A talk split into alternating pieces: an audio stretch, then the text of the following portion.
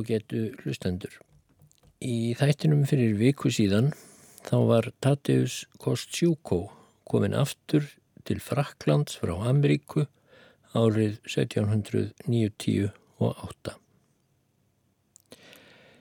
Ég hef verið að lesa í undanförnum tveimur þáttum um æfi þessa Tadeusar Kostjúkós og stiðst við skemmtilega grein úr fjölni frá árinu 1838 sem þeir þýttu og endursögðu að einhverju leiti þeir ekki minni menn en Jónas Hallgrímsson skáld og Konráð Gíslason, vinnur hans. Tveir af fjórum útgefendum hins merkatímarits fjölnis. Ég ætla að ljúka við að segja frá Tatiusi Kostjúkó í þessum þætti og stiðst sem fyrr fyrst og fremst við fjölnisgreinina en er hún bráðskemtilega skrifuð og góð heimild um stíl í, á fyrir hluta 19. aldar, stíl eins og hann gerðist besta, bestur og sagfræðilega er hún alveg ljómandi bóttjett þótt langt síður liðið síðan hún var sett á þrygg og sendt til Íslands með vorskipunum.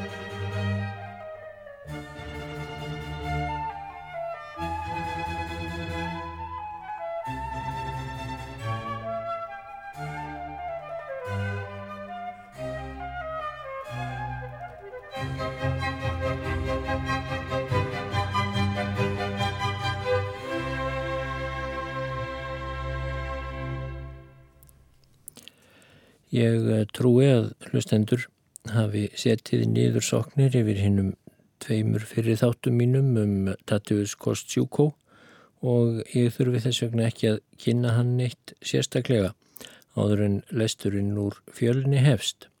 En í örfáum setningum má þó koma fram að hann var fættur um miðja átjánduöldina, hraustur og rétt sín pólskur hermaður á tímum þegar Úlfur og Björn og Leðurblaka sóttu að Pólandi eða Sléttumannalandi eins og þeir Jónas Hallgrímsson og Konráð Gíslason kalla landið vegna þess að eh, orðstofnin Pól í Pólandi mun þýða opið svæði eða slétta.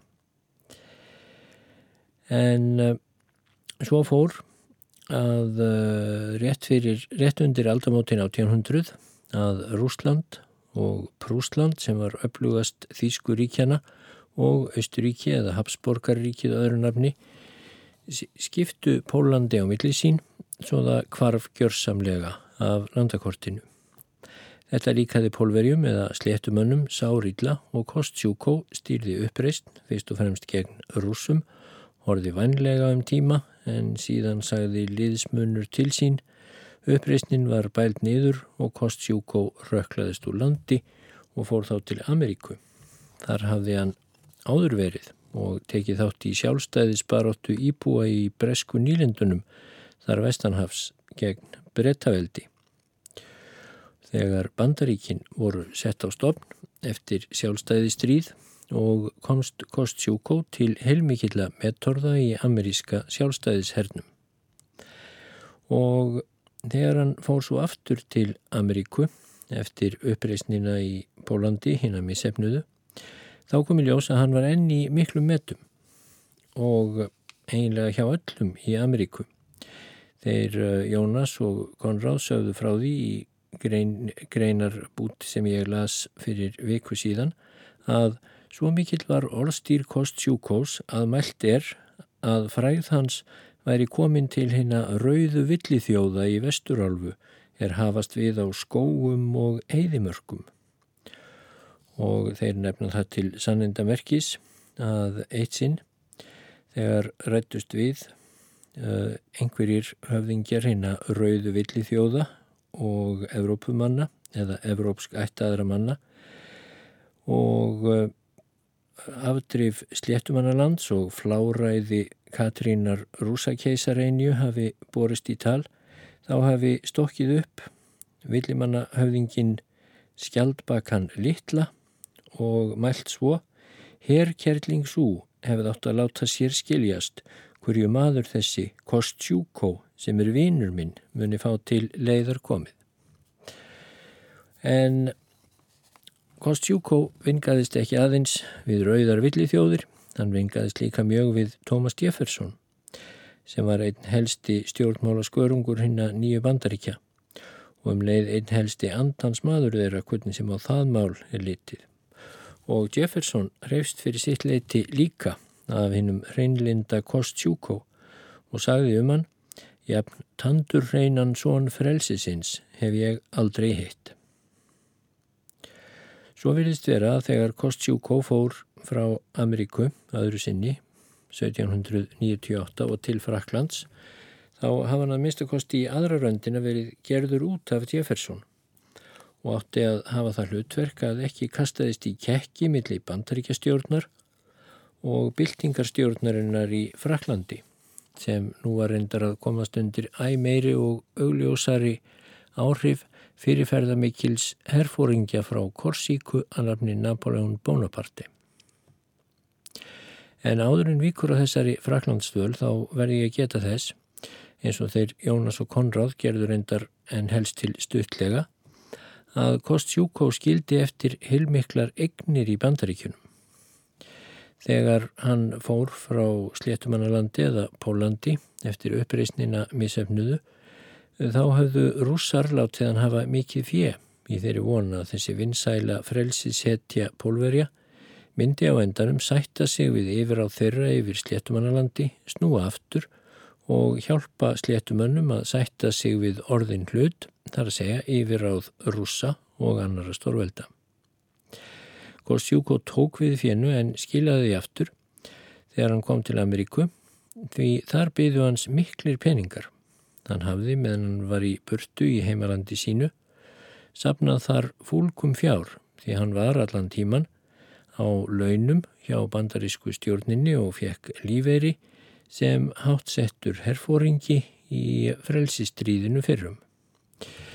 Ég veit ekki hversu miklir þessir peningar voru nákvæmlega en allavega skildi Kostjúkó eftir sig í Ameríku erðaskrá þar sem hann lísti því yfir að eigur sínar ættu að ganga til þess að honum látnum að kaupa svörtum þrælum frelsi þar á meðal þrælum vinnarsins Jeffersons og menta þá síðan svo þeir getu staðið á eigin fótum.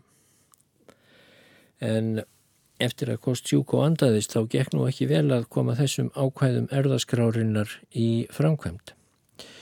Jefferson saðist vera orðinu of gamal og hrumur til að hann geti annar stað að hrinda þessu í framkvæmt og úrvarð gífurlegur málaregstur sem ég ætla nú ekki að rekja hér en erðamál Kostjúkós fór þrísvar sinnum fyrir sjálfan hæstarétt bandaríkjana og allur málaregsturinn tók áratugi. Að lokum gufaði málið upp, arfurinn var hvort sem er mest allur horfinn í hendur gráðugra lögfræðinga sem höfða sjálfsögðu mikinn haga því að halda málaregsturinnum áfram sem lengst í stað þess að útkljá málið. Einhverjum velunurum Kostjúkós mun þó hafa tekist að nota svolítinn hluta af arfinum til að stopna skóla fyrir svört börn í New Jersey eða svörtumannabörn eins og Jónas og Konráð komast að orði. Skólinn bar nafnið Kostjúkó. Og það er líka rétt að geta þess að ýmsar fleiri stopnarnir við víða um bandaríkin heita eftir Kostjúkó sem sínir að bandaríkjumenn mátu hann sannarlega mjög mikils. Til dæmis heita þrýr ólíkir bæir í bandaríkjunum Kostjúko, einn í Texas, annar í Missouri, þriði í Mississippi. En bærin Kostjúko í Mississippi fylki er frægur fyrir að þar fættist og ólst upp sjómarstjarnan Ófra Vinnfrey Frami hennar hefði eflaust glatt Kostjúkó, fyrst hjálpræði handa svörtum bandaríkjamannum var honum ofarlegi huga. Að auki ber einn sísla í Indiana nafnið Kostjúkó og svo heil eiga í Alaska. Auk þess eru 17 skólar, skemmtigarðar og minnismerki ímsvegar, ímis viðsvegar um bandaríkin nefnd eftir Kostjúkó. En þá vikur að för hans heim til uh, Póllands, eða til Fraklands árið 1798 og uh, þar var sem ég saði fyrr komin til valda Napoleon Bonaparte. Þegar Kostjúko kom til landsins þá var Napoleon æðsti ræðismadur frakka sem svo var kallað og Napoleon, hann tók uh, Kostjúko með miklum virtum, hann uh, reyndi að telja ná að gerast herfóringi í liði frakka en Kostjúko neytti því eins og uh, Jónas og Konráð komast að orði. Þá bauði Napoleon að taka hann í ríkisráðið en Kostjúko svaraði hvað ætti ég að hafa stað þar? Og þá er þjóðuríki frakka var breytt í keisaradæmi undir fórustu Napoleons þá þáði margur uh, aðalsmannsnafn sem áður var ótíin. Einhverji sinni spurði Kostjúko kunningi sinni einn úr ráðinu hvað ætti að kalla hann. En sá maður svaraði ég er einn vaksmóli í hendi hátegnarinnar. Kostjúko bauð svo við þessu lákurlega svari að hann mátt ekki sjá þann mann framar. Þegar Kostjúkó, skrifa þeir Jónas og Konráð, tók að leiðast ónæðið í Parísarborg og heimbóð höfðingja, þá fór hann þaðan og setti stað í bænum Fontainebleau og skemmti sér að gardarækt og annar jærðirkju. Þar bjóð þá fyrir vinnur hans, Tseltner, sem var svisneskur diplomat. Það varð þessu næst að ófríður hófst millum rússa og Napoleons keisara og þá vildi keisarin færa sér í nýtt vinsældir Kostjúkós á Sléttumannalandi.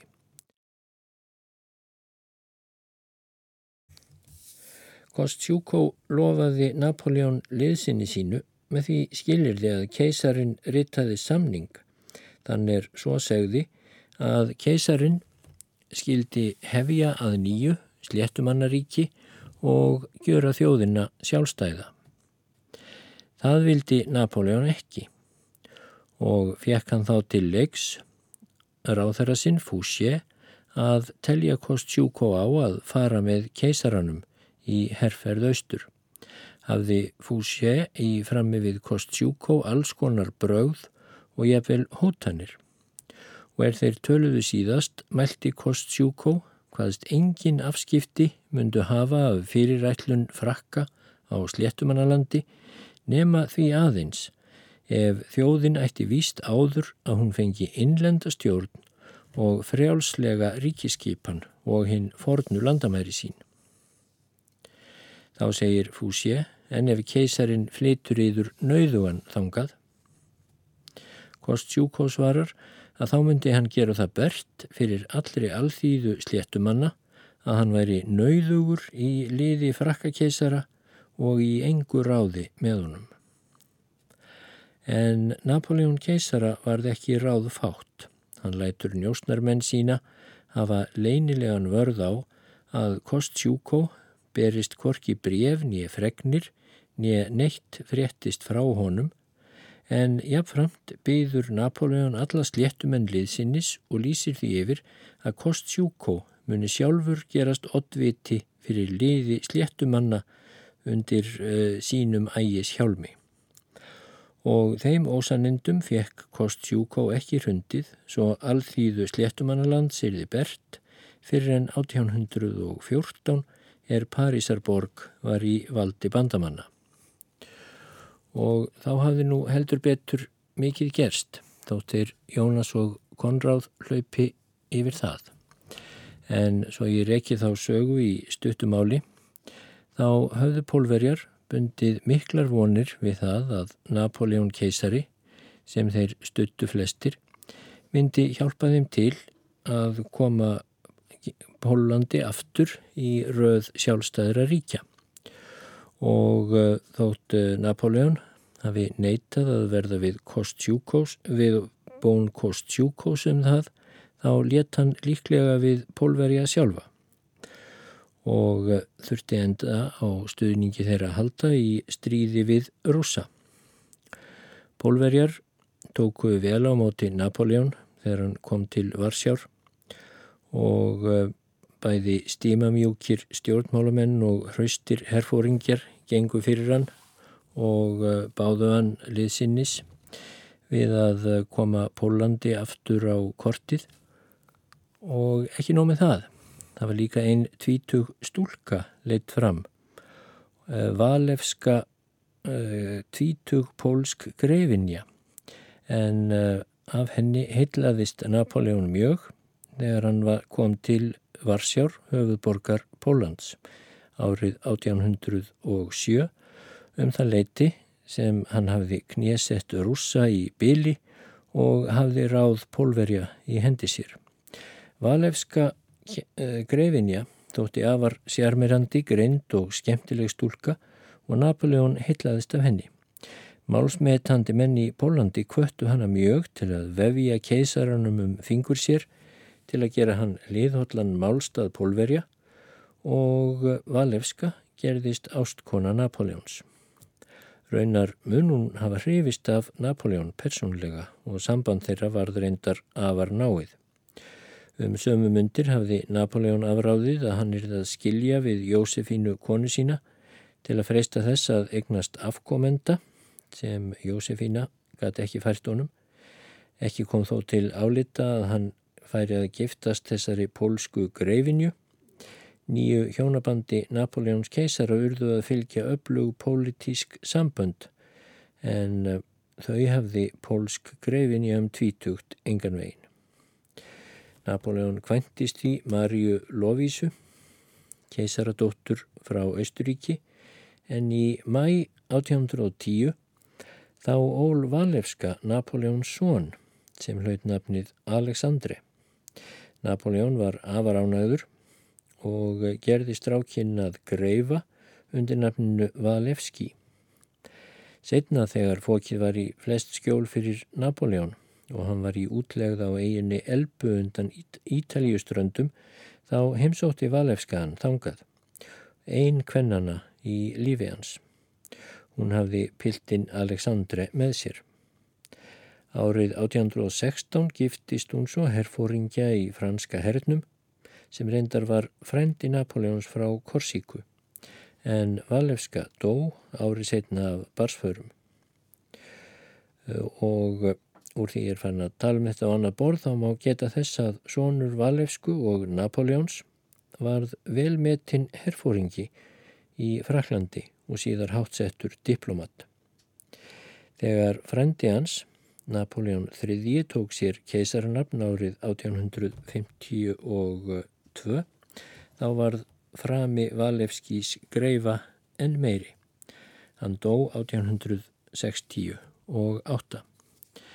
En eh, þrátt fyrir vináttu eða ást þeirra Napoleons og Valefsku og þrátt fyrir allar tilraunir hinn að steima mjúku stjórnmálafóringja og hraustu herfóringja þá fegst Napoleon ekki til að veita pólverjum sjálfstæði. Hann fegst aðeins til að stopna þar sérstakt eh, hertogadæmi sem kallað var hertogadæmið Varsjá en yfir það var ekki settur pólskur potentáti heldur kongurinn af Sakslandi sem var náinn bandamaður og undirlæja Napoleons. Þetta glatti pólverja lítið og eftir að Napoleon hafði farið í feigðarflan með innrás til Rúslands árið 1812 og röklast þaðan burt með skottið milli lappana þá náður rússar aftur Pólandi og uh, lögðu nýður þetta hertogatæmi. En þá vikur sögunni aftur til greinar þeirra Jónasar og Konráðs því nú taka þeir aftur upp þráðin og eh, um þessar myndir, skrifa þeir, situr Kostjúkó í náðum á landsbygðinni í Fraklandi. Í þeim gardi er Bervil heitir. Til þess 1814 um vorið en þá hafði Napoleon verið sigraður í fyrra sinni. Þá varð sá atbörður er nú skal segja. Ein hersveit russa, kósakka og sléttumanna sem stuttur russa var þar komin í Þorpeittir Gugni heitir í Fraklandi eftir að hafa á samt öðrum herjum anstæðinga Napoleons eld flóta hans allt heim til Fraklands. Og russar, kósakkar og sléttumenn tóku nú að brenna fyrir bændum og ætluðu að ræna Þorpið Gigni. Þetta spyr Kost Sjúkó. Hann stýgur á hest, rýður þangað einn saman og hleypir inn á meðal þeirra allra, snýr þar aðir sléttumenn voru fyrir og kallar hátt, látið kyrt liðsmenn.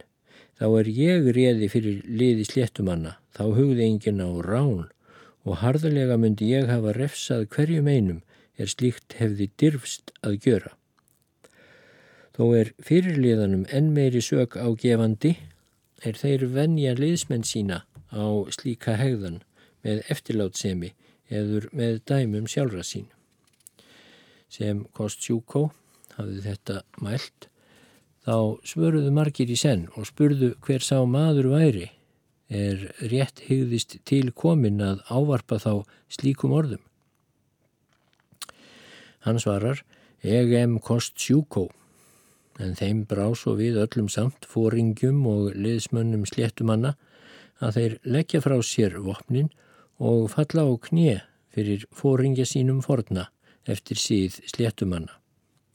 En þeir sem næstir honum voru snurtu knið hans hinn í hægri hendi, tóku ofan og dreifðu dufti á höfuð sín til yðrunarmerkis. Síðan var eldurinn sem kvektur hafi verið slögtur. Kostjúkó gekk þar sjálfur að og fór ekki fyrir þaðan en öllu var aftur skilað sem sléttumenn hafðu rænt. Um þetta var mönnum all tíðrænt.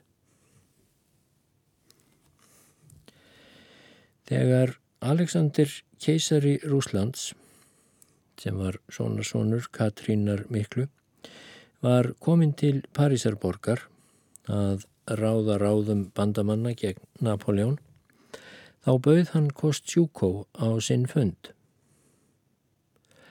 En sækir þess að Kostjúkó var hinn mesti þjóðfrelsis maður, þá var þann ekki búinn til þeirrar ferðar. En keisarin sendi eftir honum vagn sinn og feildarmann sinn einn og tók hann Kostjúkó blíðilega og faðmaði hann að sér á hallarstjettunum í París. Síðan víkur hann máli sínu aðum hag sléttumanna og kursu áhorfist fyrir þeim. Landabref eitt láð þar á borði. Kostjúkó bendir á landabrefið og sínir keisaranum hinn fornu landamæri millum rúsaveldis og sléttumannalands og tjáir fyrir keisara hver nöðsin honum þykir ávera að þar séu byggðir kastalar og settar varnir svo að sléttumönnum sé við engu hætt af hendi rúsa. Eftir þessa viðræðu sagði Konstantín, sonur keisarans, á mannamótum í Parísarborg að Karlin Kostjúko væri gamal óra, það væri augljóst. En keisarin gaf Kostjúko leifi til að skýra breflega frá hvaðan vildi vera láta um þetta mál og gjöra grein fyrir því. Síðan rýtaði Kostjúkó keisaranum. Það bref er merkilegt, bæði sækir þess, hversu einfalt það er og viðhafnar lítið og hins að hann heldur þar fram hinnu sama ráði og síðar gerði Londonderry lávarður í Vínarborg þegar þar var haldinn fundur til að ráða ráðum stórveldana eftir að Napoleon hafði endanlega verið sigraður og eh, Londondari lávarður vantreistist að fá meira aðgjört í hag sléttumönnum, sækir ágýrndar rússa og afskipta leysis annara sambandsmanna. En þetta er upphaf brefsins sem Kostjúko skrifaði til rússakeisara. Herra, þar sem ég dyrfðist að bera upp bæn mína fyrir þann mann er bæði er ríkur einvaldshöfðingi og mikill hermaður og þó enganlega verndarmaður mannlegra réttinda þá ber það til að mér er gagnkunnugur drengskapur yðvar og göfuglindi. Ég beigðist þryggja hluta. Sá er hinn fyrsti að þér heitið sérkverjum sléttumanni fullum fríði og gríðum og að bændur þeir sem úr landi hafa stokkið í sléttumannalandi og dreifðir eru víðsvegar séu frjálsir menn ef þeir leita sjálfviljandi heimila sinna í sínu gamla landi. Svo er önnur bæn er ég vil byggja yður, herra Rúsa keisari, að þér gerist sjálfur konungur sléttumanna og veiti þeim stjórnarbót og frelsi líkt og Englandi er en skólar séu settir handa bændunum og létt af þeim ánauð á tíu vetra tímabili og eftir það megi þeir eiga lönd sín með frjálsum. Nú, ef þér veitið mér þessa hluti, þá skal ég ekki dvelja, þótt ég sé mjög vanhill, að falla til fóta í þar hátign og tjá yður þakklæti mitt og sverja yður hotlustu fyrstur manna og ef menn þá heldu mig færan um að starfa það nokkuð er að notum mætti verða, þá skildi ég þegar skunda heima á sléttumannaland til að þjóna fósturjörðu minni og höfðingja mínum sæmilega og trúlega. Hinn þriðja bænherra snertir ekki lönd og líði en er þó hjarta mínu mjög andum hanna. Maður heitir Seltner, svisneskur og hefur verið sendiherra Svissa hér á Fraklandi. Með honum hef ég dvalist í 14 ár og á honum mikið gott upp að inna. En við erum fátækir báðir og hann hefur fjölskyldu mikla. Ég beigðist sæmilegs embættis handa tseltnir, annarkvort á Fraklandi í henni nýju stjórn sem þar verður komið á fót eftir að Napoleon er brottreikinn, eður þá á sléttumannalandi. Seltnir er maður vel að sér og ég ábyrgist ráðvendni hans og svo framvegis á Bervil 9. dag aprílis 1814 kost sjúkó.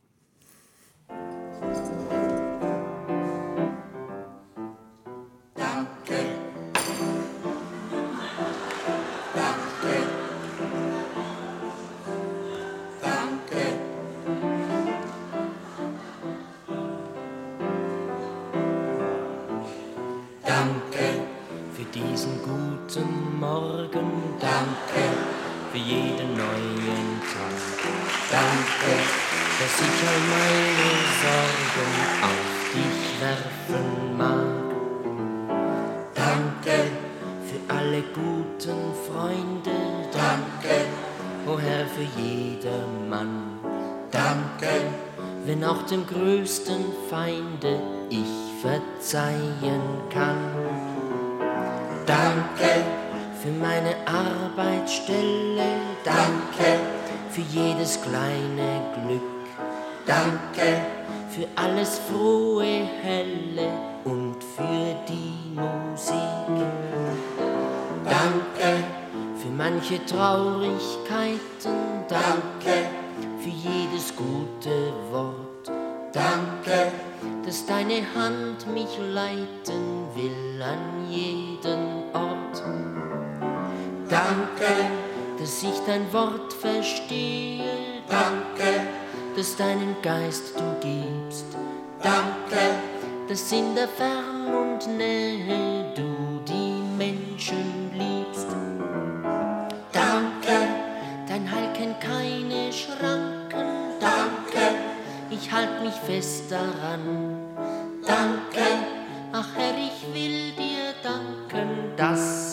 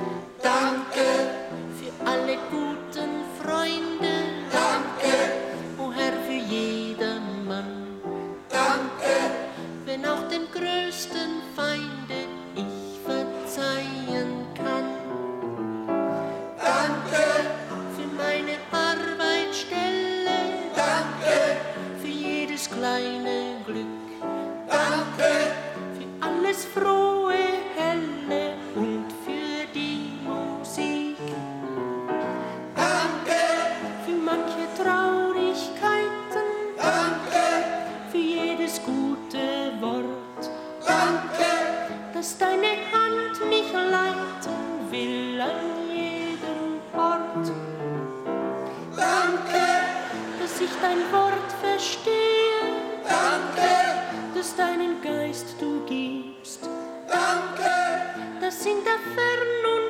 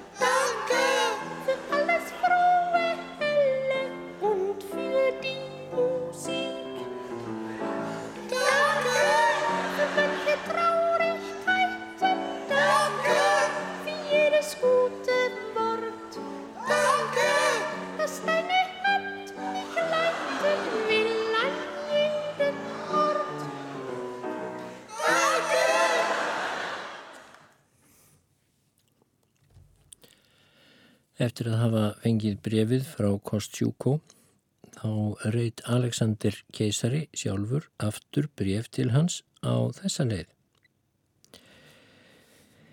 Mér er indælt að svara brefi yðru, hersöðingi. Það skal verða veitt sem yður þykir mestu máli skipta.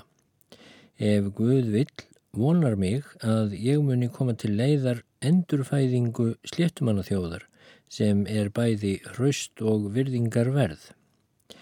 Ég hef heitið því staðfastlega og lengi verið áhuga fullur um farsæld sléttumannalands. Hefur það eitt fyrir staðið er stórtíðindum gengdi. En nú er þeirri fyrirstöðu lokið með skjelvilegri tvekja ára styrjöld er lengi mun í minnum höfð. Ef sléttumenn fara skinsamlega að, skal ekki á löngu líða áður en þeir nái aftur nafni sínu og áliti. Skal ég vinna það mér til ánæju að sína þeim að sá er þeir ætluðu fjandmann sinn mun gleima hinnu umliðina og framkvæma óskir þeirra. Gjarnan vildi ég, hersöfðingi, njóta yðvars fulltingis í starfi þessu. Orstýr yðvars og skaplindi og viska yrði mér, yrði mér að mesta liði. Vitið, hersöfðingi, að ég virði yður mikils í Parísarborg þriðja dag mæmánadar 1814. Alexander.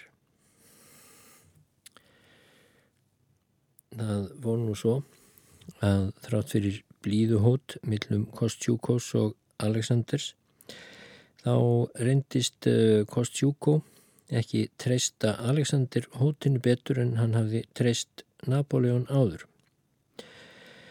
En uh, þeir Jónas og Konráð halda áfram meðan stóða á fundinum í Vínarborg bjóst Kostjúkó af Fraklandi og ætlaði að ferðast um Ítalíu. En er hann var komin söður yfir Múndíafjöll, kom þar til fundarviðan, sendimaður sá er stjórnarráð þeirra sléttumanna hafði gjört á eftir honum og byggja þau stjórnarvöld hann fyrir hönd þjóðarinnar að hann fari til Vínarborgar til að annast um hag barna sinna svo sem tryggur fadir allra sléttumanna og verndi málefni þeirra á þeim fundi um skipan mála eftir dag Napoleons sem þá var að hefjast.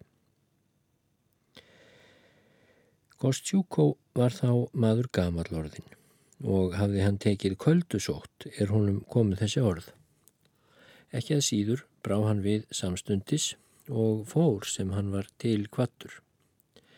En er hann kom til Vínar var það um seinan, menn höfðu þá slítið fundinum og það var einber hefni að hann gætt náð fundi rúsakeisara þar í nágrennu eða í Bráná.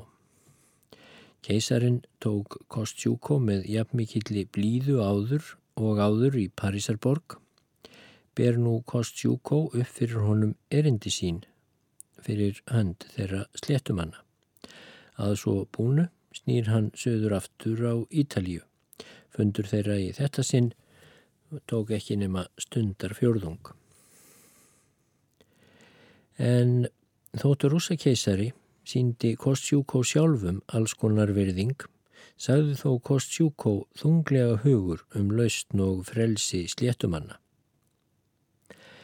Þetta var eitt í svari Aleksandrs er þeir rættust við. Sléttumadur, segir Aleksandr keisari, víst virði ég mikils og víst kann ég að meta viðleitni yðra að abla ættjörðu yðar slíkra kosta sem henni eru sambóðinir en grein svo er sníðinir af tré, grær við það aftur, sé hún þar að nýju gróðursett. Endurfæðing yðar er samtengt endurfæðingu hinnar slavnesku þjóðar. Og með því áttan við að endurfæðing sléttumanna þjóðar er því að fara fram undir handarjæðri rúsa. Kostjúkó skildi enda hvar til þetta var talað og leist honum svo á þetta svar sem fósturjörð hans ætti litla farsæld í vændum. Eftir þetta rýtaði hann keisaranum enn eitt bref frá Vínarborg og segir svo að hann býður keisaranum þjónustu sína alla þá stund er hann eigi ólifaða en byður hann umfram alla hluti að fríða samvisku sína og láta sig vita hver, eigi, hver verða eigi forlög lithaugalands svo hann geti huggast við það á degjanda degi að allir þegnir keisarans á sléttumannalandi verði við að kannast að keisarin hafi gjört vel til þeirra. Um samanleiti reyt hann og bref Adami Sartorski, vini Aleksandrs keisara og kemst þar bytna að orði. Í brefinu til hans segir Kostjúko að það sé að vísu þakkavert er keisarin hafi gefið sléttumönnum nafn sitt aftur en nafnið sé ekki einhlýtt. Hann hafi ekki betur vita á hann að keisarin efni þá aðeins lofórð sín ef hann færi takmörk sléttumannalands til fljótana dvína út nefr. Ef þetta er því svo og sléttumenn fengju frjálslega stjórnarskipan út af fyrir sig en rúsneskum mönnum væri ekki veitt hinn aðstu völd í landinu, þá myndu sléttumenn kalla sig sæla að þjóna undir sama höfðingja og rúsa. En þetta þýðir í raun að Kostjúko, eins og meiri hluti pól, pólverja, vildi að tekinirði í brúk í Sléttumannlandi eða Pólandi svo frjálslinda þingræðis stjórnarskrá sem samin hafði verið landinu rétt áður en það var limað sundur af stórveldunum þremur Rúslandi, Austuríki og Prúslandi. Og í nýðurlægi þessa brefst kemst Kostjúkó svo að orði að með því hann get ekki orðið ættjörð sinni að liði á ætlan að setja stað í Sviss og Kostjúko kom aldrei síðan á Sléttumannaland. Þegar Kostjúko hafði lokið ferð sín á Ítalju helt hann til Sólóþörns á fönd Seltners og ættingi hans. Þar var fyrir bróðirt Seltners og virtist Kostjúko vel, svo vel til hans að hann setti stað hjá honum og dvaldist þar þá stundir hann átti ólifaða. Hann held sig ekki ríkmannlega og varði tekjum sínum til hjálpar þurfandi mönnum, var það heilmikið fjö. Fæða hans var óbreytt hverstagslega. Kostjúkó var að jafnaði svo búinn að hann var í blári yfirhöfn, heldur snjáðri og blómknappi stungið í nestlu og barminum og svo miklu let hann sig varða um þetta skart að hann mátt ekki af því sjá um há vetur. Letu konur og megar í sólótörn sér mjög andum að byrja Kostjúkó upp af blómum eins og þurfti. Hann svaf hverja nótt á harðri dínu og hafði yfir sér eina voð þurra. Á sumrum reys hann úr rekju einni stund fyrir miðjan morgun en á veturum stundu setna. Þegar stund var af dagmálum reys hann á hest, stegan á hest og reið einn saman að heiman var það lítill hestur brútnað lit er hann hafði til þeirra ferða. Hann kvartlaði þá víða um í nágrenninu og kæman að bóndabíli er honum þætti fátæklegt var hann vanur að fara af baki og binda hest sinn við tré. Að því búinu gekk kost sjúkóð þar inn og tók þá tali sem fyrir voru. Var hann blíður og vingjartlegur, spurði þá um hægi þeirra og gaf þeim gjafir eftir því sem hverjum kom best. Síðan fór hann á stað sem skjótast til að komast undan þökkum þeirra. Bærist honum svo fregn að einhver maður fátækur væri orðin veikur var hann vanur að segja þeim hjónum að býða hans ekki til miðdegisverðar, let hann þá söðula hest sinn og reið á stað með sína vínflösku í hverjum vasa og sína í hverjum poka við naknef sitt og vitjaði sjúklingsins. Gaf hann honum þá ekki aðeins gjafir, heldur hugristi hann eins og faðir barn sitt og talaði mörgum fögrum orðum um miskun sem í Guðs og heið eilífa líf og þegar hann kvatti og fór af stað aftur var hann vanur að vara sjúklingin við að drekka ekki of mikið af víninu svo honum yrði það ekki til meins þar sem það ætti að styrkjan. Þótt Kostjúko færi lind með velgjörður sínar urðu þær eigið síður hljóðbærar með mörgum móti. Árið 1817 veitti Kostjúkó frelsi bændum þeim öllum er byggu á óðals eign hans á Lithaugalandi en því miður bannaði Alexander keisari að bændurnir fengju frelsi. Þegar hér var komið æfi Kostjúkós átti hann skammastund eftir ólifaða en þó auðnaðist honum sá fögnudur að fá að líta þá konu er hann hafði unnað einni kvenna, var hún þá fyrir löngu gift höfðingja þeimir Lúbómirski heitir. Hún dvaldi hjá honum nokkrar vikur og að skilnaði hétt hún að koma aftur á fund hans í næsta vor. Honum félst mjög um skilnað þeirra og baða hún gefi honum einhvern minjagrip, sendi hún honum þá frá Lausanne ring með þessu letri Le Amité Ella Vertu en þegar ringurinn kom til Solotorns var, var Koskiensko látin. Fyrsta dag oktober 1817 tók hann þungasótt og laðist í rétt í rekju, ráðstafaði hann þá eigum sínum og talaði oft og lengi um dauðasinn er nú bæri að höndum. Hugur hans gjörðist dag frá degi rósamari og var það bert af málfari hans og augnaráði hver fagur friður bjó í sálu hans.